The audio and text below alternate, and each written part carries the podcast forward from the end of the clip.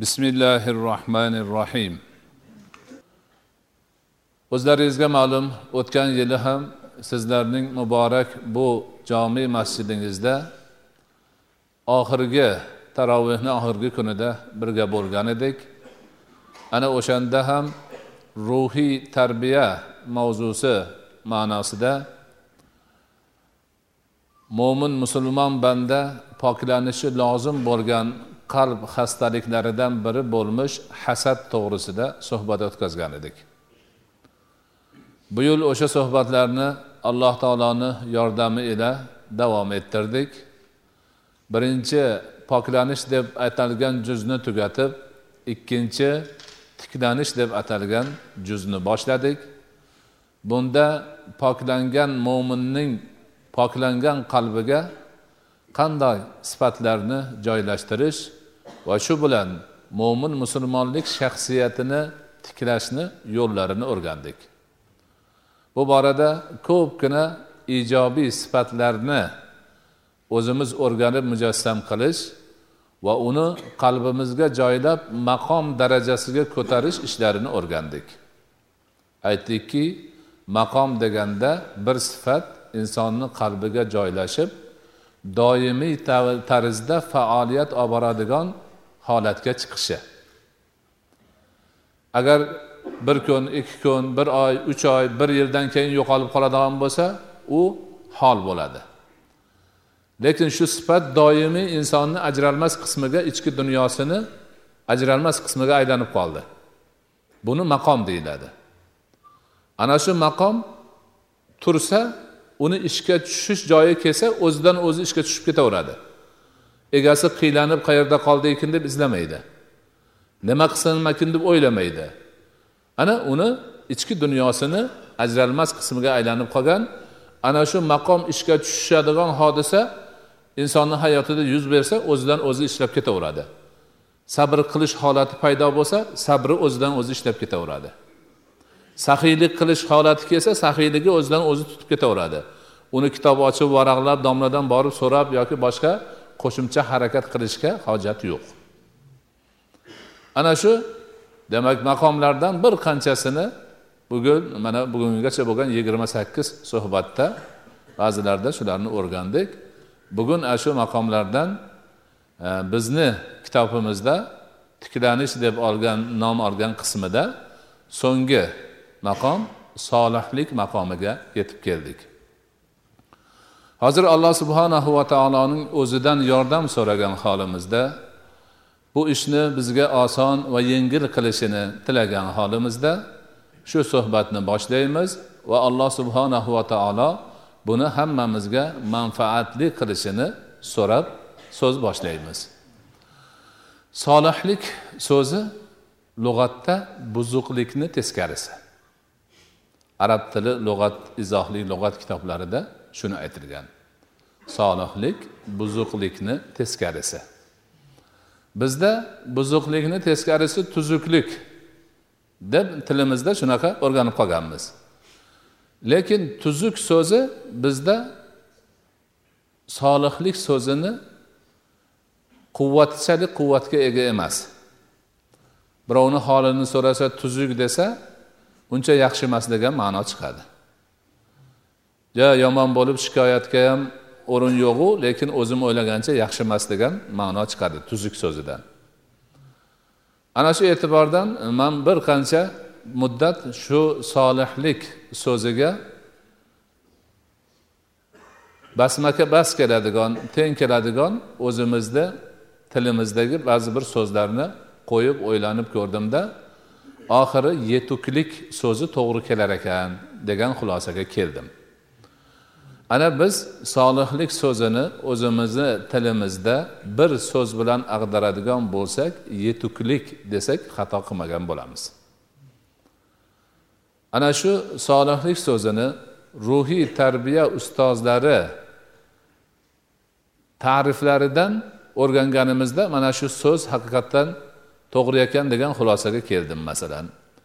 Ba'zi bir ulamolar solihlik nima? Ta'rif qilaylikchi desa aytadilarki solihlik hidoyatda sobit qadam bo'lish. Qisqa ta'rif.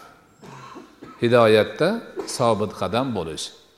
Ya'niki alloh subhanahu va taoloning hidoyatida islom hidoyatida qur'on hidoyatida sunnat shariat hidoyatida sobit qadam bo'lish. Ya'ni doim shunda yurish.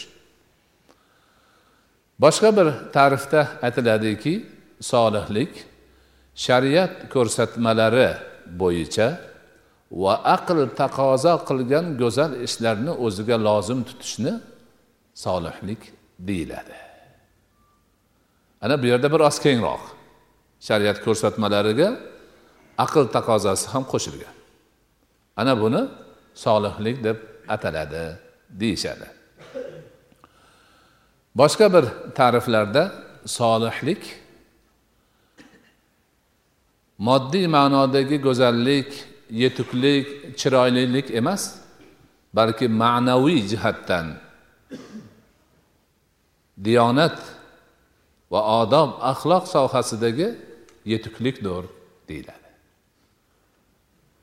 Ba'zi bir ulamolarimiz solih inson deganda kimni tushunamiz deb savol qo'yadilarda o'zlari javob berib solih inson deganimiz undan buzuqlik sodir bo'lmagan. Katta gunohlarni qilmagan. Kichiklarida bardavom bo'lmagan. El yurt ichida sharmanda bo'lmagan. Shariatni buyruqlarini bajarmaslik bilan tanilmagan. Xalqni ichida yolg'onchiligi oshkor bo'lmagan.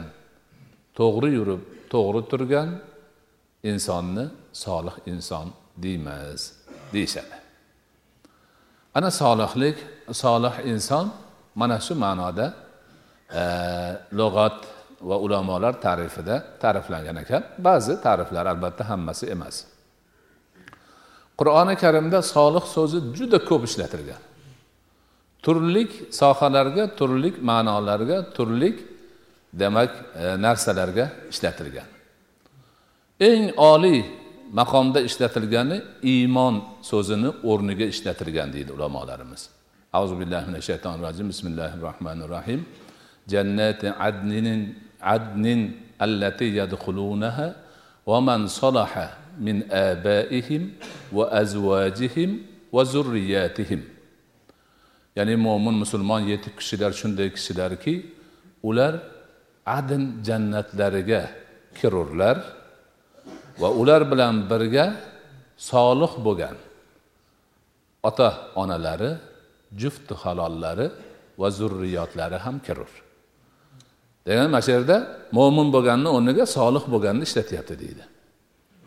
Demak bir vaqtlarda bir maqomlarda solihlik so'zi mo'minlik salohiyat so'zi iymon ma'nosida qur'oni karimda ishlatilgan ekan. Ana undan keyin boshqasi kelaveradi. Qator qator qator qator kelaveradi. Solihlik payg'ambarlarni maqomlaridan hisoblanadi. Alloh subhanahu va taolo qur'oni karimni suralaridan birida to'rtta oyatda o'n sakkizta payg'ambar alayhissalotu vassalomlarni nomlarini birma bir zikr qilib turib oxirida kullum minas solihin degan. Ana shularni hammasi solihlardandir. Ya'ni payg'ambarlarni yetuklik maqomini ham solihlik deyar ekan. Ba'zi bir payg'ambarlarni alohida o'zlarini zikr qilib turib ham solihlik sifatini bergan. Misol uchun ibrohim alayhissalomni. Innahu minas solihin degan ibrohim alayhissalomni sifatlarini aytib aytib turib oxiriga kelganda albatta u zot solih bandalardandir. Alloh subhanahu va taolo dovud alayhissalomning ahli oliga xitob qilib amalu solihan. Ya ali davuda amalu solihan. Ya ayyuhar rusulu kulu mimma razaqnakum tayyiban va'malu solihan deydi alloh taolo. Ey payg'ambarlar hammalariga biz sizlarga rizq qilib kelgan narsalarni poklaridan yenglar va solih amal qilinglar. Ya'ni payg'ambarlarni hammalariga mana shu solih amal qilish alloh taolo tomonidan amr bo'lmoqda. Payg'ambarlarni ahli soloh kishilar deb sifatlanmoqda ularni yolg'iz holida ham hammasini ham mana shu tarzda aytilyapti. Demak solih bo'lish yetuk banda bo'lish ana shunday buyuk bir sharafli ish ekan. Solih bo'lishlik bu dunyoda baxt saodat keltirishi ochiq oydin qur'oni karimni oyatlarida qayta qayta aytilgan. Qayta qayta aytilgan. Man amila solihan min zakarin va unsa la nuhyiyannahu hayatan tayyibatan deydi alloh taolo. Erkak bo'lsin ayol bo'lsin kim bo'lsa bo'lsin amali solih qilsa biz ularni bu dunyoda toyib hayot yaxshi hayot barakotli hayot kechirtirib qo'yamiz. Va oxiratda demak yana mukofotlarini oladi solihliklari yetuk bo'lganliklari shariatda sobit qadam bo'lganliklari axloq odoblari go'zal bo'lib solihlik sifatini olganliklarini mukofotiga ana bu dunyoda solihlik solihlik. Har bir banda uchun mana shu dunyoni o'zining baxtini saodatini barakatini xayrini hammasini beradi. Qur'onni va'dasi shu. Doim shu narsa bo'lgan bo'lib kelgan bundan keyin ham bo'ladi.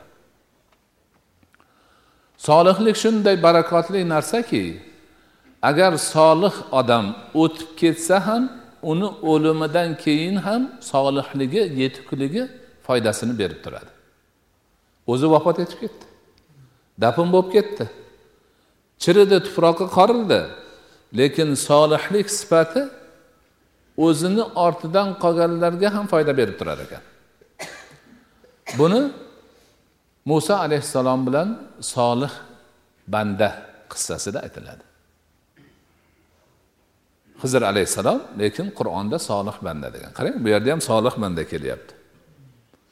Ana shunda muso alayhissalom bilan solih banda hizr alayhissalom sayohat qilib qilib qilib oxiri bir qishloqqa yetishib boradi. Yetib borib qishloq ahlidan biz musofirmiz. Horidik charchadik och qoldik bizni mehmon qilinglar desa sizlarga beradigan narsamiz yo'q deydi ular. Qabul qilishmaydi mehmon qilishmaydi. Shunda ular farishon hol bo'lib shaharni chetiga chiqib o'tirishadi. Horigan charchagan och qolgan uni ustiga eng yomoni haligi odamlar beodoblik qilishdi ularni ruhini tushirishdi odamgarchilikdan yiroqda bo'lishdi. O'tirib ikkovlari bundoq qarasa shaharni qo'rg'on devori qiyshayib qolibdi bir qismi. Yiqiladigan bo'lib qolibdi solih banda aytdilarki tur mana shu devorni buzib qayta tiklab qo'yaylik deb qiyshayib turgan devorni buzishdida yaxshilab yana tikka qilib yangilab urishib qo'ydi. Charchab yana kelib o'tirganda muso alayhissalom chidamadilarda qiziq odam ekansiz siz dedi. Ha dedi. A bular baxil ekan bizni ziyofat qilishdan bosh tortishdi. Hech bo'lmasa shu devorlarini urib qo'yganimiz uchun haq so'rasangiz bo'lmasmidi? Deganda solih banda aytdi endi dedi san bilan mani oramdagi aloqa nihoyasiga yetdi. Avval ikki marta shunday gap bo'lgan bu uchinchisi endi tugadi. Ke endi man sanga qilgan ishlarimni hikmatini aytib beray deb turib avvalgi e, kemani teshganlari e, yosh bolani o'ldirib qo'yganlarini hikmatini aytib bu devorni baxil odamlarni devori bo'lsa ham qiyshayib turgani uchun qayta urib qo'yganlarini hikmatini aytdilar. Aytdilarki bu devorlar ikkita yetim bolaniki edi. Ikkita yetim bolani devori edi. Devorni ostida ikkovlari uchun ko'mib qo'yilgan xazina bor edi. Va abuhuma solihan va ikkovlarini otasi solih yetuk inson edi. Shuning uchun olloh manga bu devorni urib qo'yishni buyurdi. Tokim bolalar katta bo'lib voyaga yetguncha xazinalari ochilmay tursin o'zlari olsin deb ko'ryapsizlarmi? Qur'on shuni aytyapti. Ota o'lib ketgan. Dafn bo'lgan bolalari yetim. Lekin xazina ularga qoldirilgan tillolar boshqalar mol mulk devorni ostiga ko'milgan. Devor qiyshayib qolibdi agar shu muso alayhissalom bilan hizr alayhissalom uni urib qo'ymasa devor yiqilsa xazina ochiladida odamlar olib ketadi bolalar xazinasiz mol mulksiz qoladi yetimchalar. Olloh shunga hizr alayhissalomga amr qilibdiki yo'q bu devorni urib qo'y. Bularni otasi solih odam edi. Shuni hurmatidan ularni xazinasini biz saqlab turaylik degan. Ana ota o'lib ketsa ham bolaga uni ahli solih bo'lganligi yetuk inson bo'lganligi to'g'ri yurib to'g'ri turganligi halol pokligi allohning amrida yurganligini hurmatidan o'lib ketgan bo'lsa ham ana bolalarini mulki xazinasi alloh taolo chora tadbirini ko'rib saqlab qo'yyapti.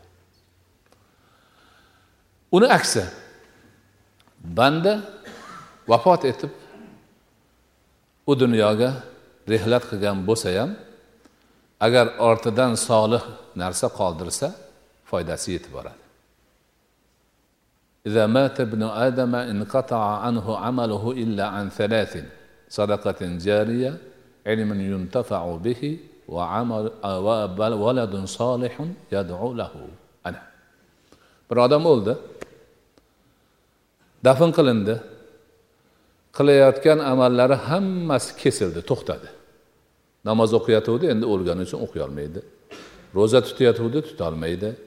Haj qilayotgandi qilolmaydi. Zakot berayotgandi berolmaydi. Xayr ehson qilar edi qilolmaydi.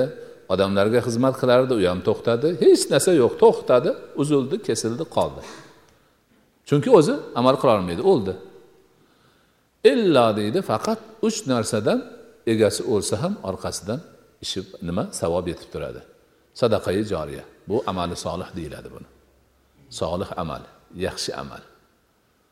El uchun xalq uchun yurt uchun jamoat uchun manfaat beradigan yaxshi bir ishni qilgan. Ana shu ishdan el yurt vatan xalq mo'min musulmonlar foydalanib turibdimi? Savobi amali solih bo'lgani uchun bu. Haligi qilgan odamga yetib turaveradi. Ikkinchisi manfaat beradigan ilm qoldirdi. Xalq uchun el uchun yurt uchun vatan uchun manfaatli bir ilmni o'rgangan edi. Shogirdlariga o'rgatdi kitob yozdi ilmiy kashfiyot qildi. Ana ezgulik yo'lida uni ilmi hozircha o'zi o'lib ketsa ham el yurtga xalqqa manfaat berib turibdi. Modomiki shu ilmi manfaat berib turar ekan. Shogirdlari ishlab turar ekan kitoblari o'qilib turar ekan kasbiyotidan xalqqa manfaat yetib turar ekan unga savobi borib turaveradi. Ana uchinchisi ochiq oydin aytyapti valadun solihun yadu lahu. Va ortidan solih farzand qolib duo qilib tursa yetib turadi. Qolgan farzandi ham solih ekan. Shariatni ko'rsatmasida yurar ekan ibodatlik qilar ekan halol ekan pok ekan a? Ana otasini onasini yo'qlab orqasidan duo qilib turar ekan. Ana o'shani ham savobi yetib turar ekan.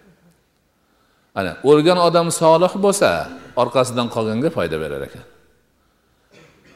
Orqasidan qolgan solih bo'lsa o'lganni o'ziga foyda berar ekan. Ana har taraflama foyda. Bu dunyoda ham oxiratda ham. Ho'p shunga o'xshash solihlikni manfaatlari har tarafdan. Mana insonni solih deyapmiz. Qilingan ishni ham solih deyapmiz. To'g'rimi?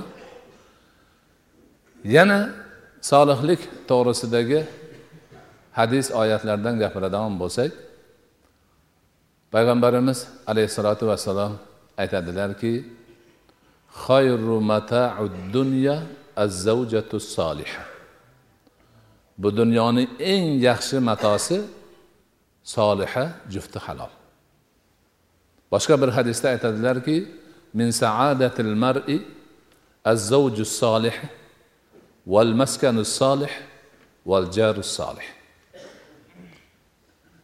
insonni bu dunyodagi saodati alomatlaridan saodatini ta'minlovchi omillardan bittasi solih jufti halol.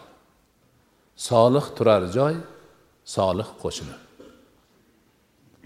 Demak umid bilan nikohlanib bir yostiqqa bosh qo'yib yashayotgan jufti haloli er bo'lsin ayol bo'lsin ahli solih bo'lsa dindor bo'lsa halol pok bo'lsa harom xarishdan uzoq bo'lsa demak ana shuni o'zi erga xotin xotinga er demak bu dunyoni saodati hisoblanar ekan. Haqiqatdan agar er xotinni orasida ahli solihlik bo'lmasa nomuvofiqlik bo'lsa urush janjal bo'lsa u xonadon jahannamga aylanadi qoladi. Chunki har nafas olganda ertayu kech ikkovi birga. Shuningdek maskan. Maskan ham nihoyatda inson uchun kerak narsa. Inson bolasi o'zining xususiy maskanida o'zini erkin sezgan kabi boshqa hech qayerda sezolmaydi. Mehmonxona bo'lsa alohida ijaraga o'tirgan bo'lsa yana musibat umuman yo'q bo'lsa umuman tamom. Lekin o'zini maskani bor halol pok o'ziniki ana charchasa horisa asabiylashsa ko'chadan kelsa bemalol kirib keladi. O'zini xohlagan tarzda ovuntishga yoki boshqa qilishga harakati bor. Bola chaqasi ko'nglini ko'taradi oldiga choy qo'yadi boshqa bo'ladi. Ana o'sha solih maskandan saodatini topadi. Solih qo'shni ham shu. Agar hamma er xotin o'zi bir biri bilan yaxshi uylari joylari yetarli hammasi turibdi qo'shnisi chatoq bo'lsa kulfatda hali unisini taqillatadi hali bunisini olib qochadi hali e, ig'vo gap tarqatadi xullas nima? O'sha saodatni bir tarafini uchiradi bir tarafini yomon bir ko'ngilsiz holatga aylantiradi. Solihlikni demak mana shunaqa turlari ko'p xillari ko'p buyuk bir maqom yetuklik ekanligini anglab yetishimiz kerak. Hazrati abdulloh ibn umar roziyallohu anhu aytadilar man bir kuni tush ko'rdim. Ko'rsam o'zim jannatda yuribman. Bir parcha ibrisim ipakka o'xshagan mato ham bor. Shu mato qo'limda qayoqqa ishora qilsam mani o'sha yoqqa uchirib uchirib olib boradi. Xursand bo'ldimda uyg'onib ketsam tushim buni borib opam hafsaga aytdim deydilar. Hafsa onamiz rasulullohni ayollari opam deydi keyin rasululloh sollallohu alayhi vasallamga aytibdilar ukam abdulloh shunaqa tush ko'ribdilar. Shundoq shundoq bo'libdi bir parcha ipakka o'xshagan mato qo'lida bor emish qayoqqa ishora qilsa uni uchirib jannatni ichida olib borar emish desa albatta abdulloh solih bandadir deganlar ana o'sha solihligini tushda ko'rganligini alomati ekan. Ba'zi bir rivoyatda agar kechasi namoz o'qisa deb qo'yganlar. O'sha vaqtda namoz o'qimasar ekanlar yosh bola ekanlar. O'shandan keyin dedi biror marta kechasi namoz o'qishni tark qilganim yo'q.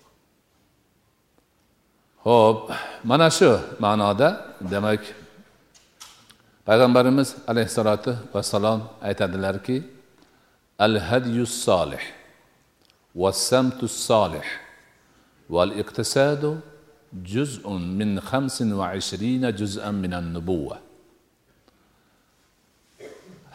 solih degani insonni odob axloqlarini go'zal bo'lishi yetuk.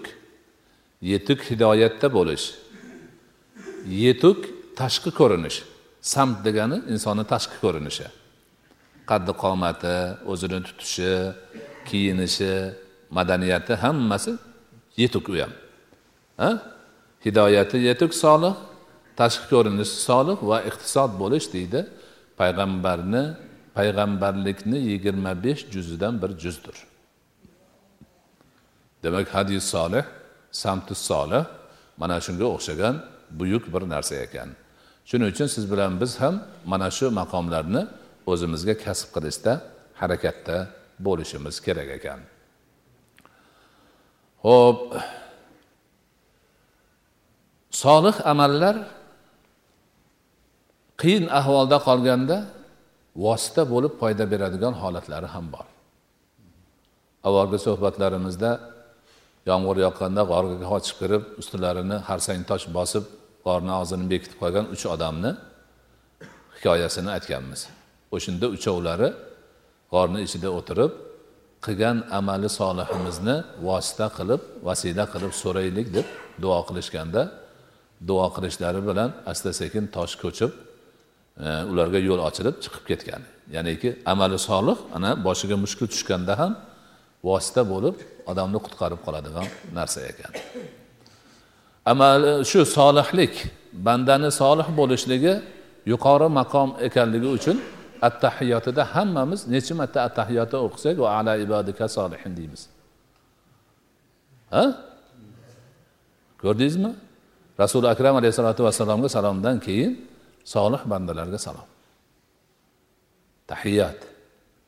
Har namozda o'qiladi. Bu buyuk maqom. Ana ana solih banda bo'lish uchun harakat qilish mana shunga o'xshagan narsalarda ko'zga ko'rinar ekan. Yana bunga o'xshagan juda ko'p nimalar bor. Misol uchun mana salaf solih deymiz. Salaf solih deganimiz o'tgan solih demak ajdodlarimiz degan ma'nosi.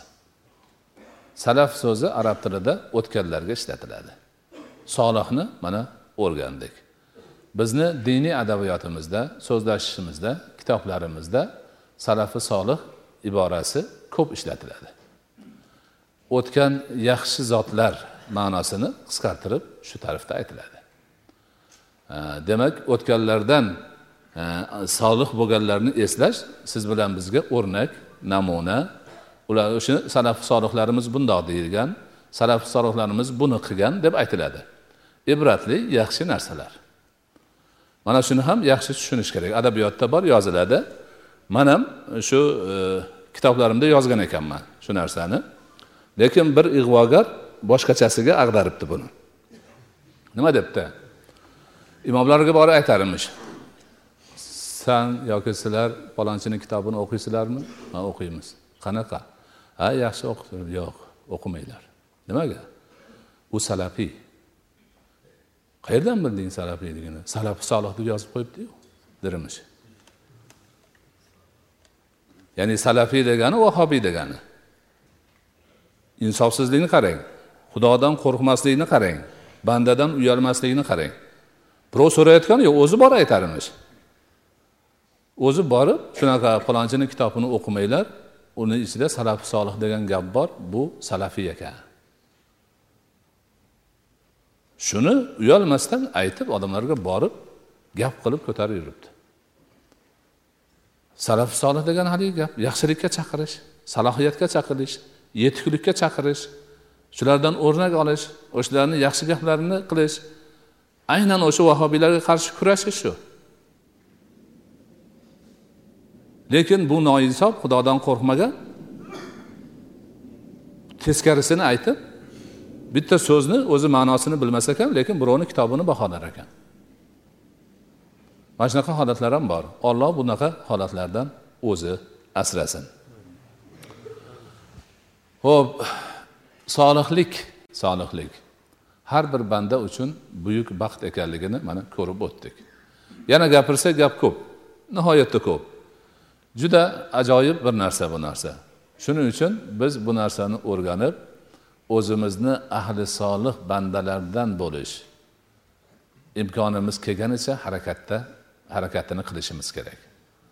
Ana shunda inshaalloh mana shu aytib o'tirgan baxtga saodatga jannatga bu dunyodagi najotga e, odamlarni ichidagi obro'ga allohning oldidagi yuzi yorug'likka va ko'p narsalarga erishgan bo'lamiz. Alloh subhanahu va taolo barchalarimizni o'zining solih bandalaridan bo'lishimizni nasib etgan bo'lsin.